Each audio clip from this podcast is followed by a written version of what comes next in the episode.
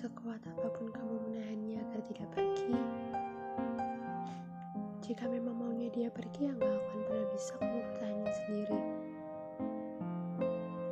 Kalau memang maunya bukan kamu, ya jangan dipaksa. Mau sekuat apa pun kamu memaksa, ya percuma juga. Intinya, lepasin orang yang pada dasarnya emang mau lepas dari kamu. Kamu boleh bertahan, tapi dia sudah tidak tahan.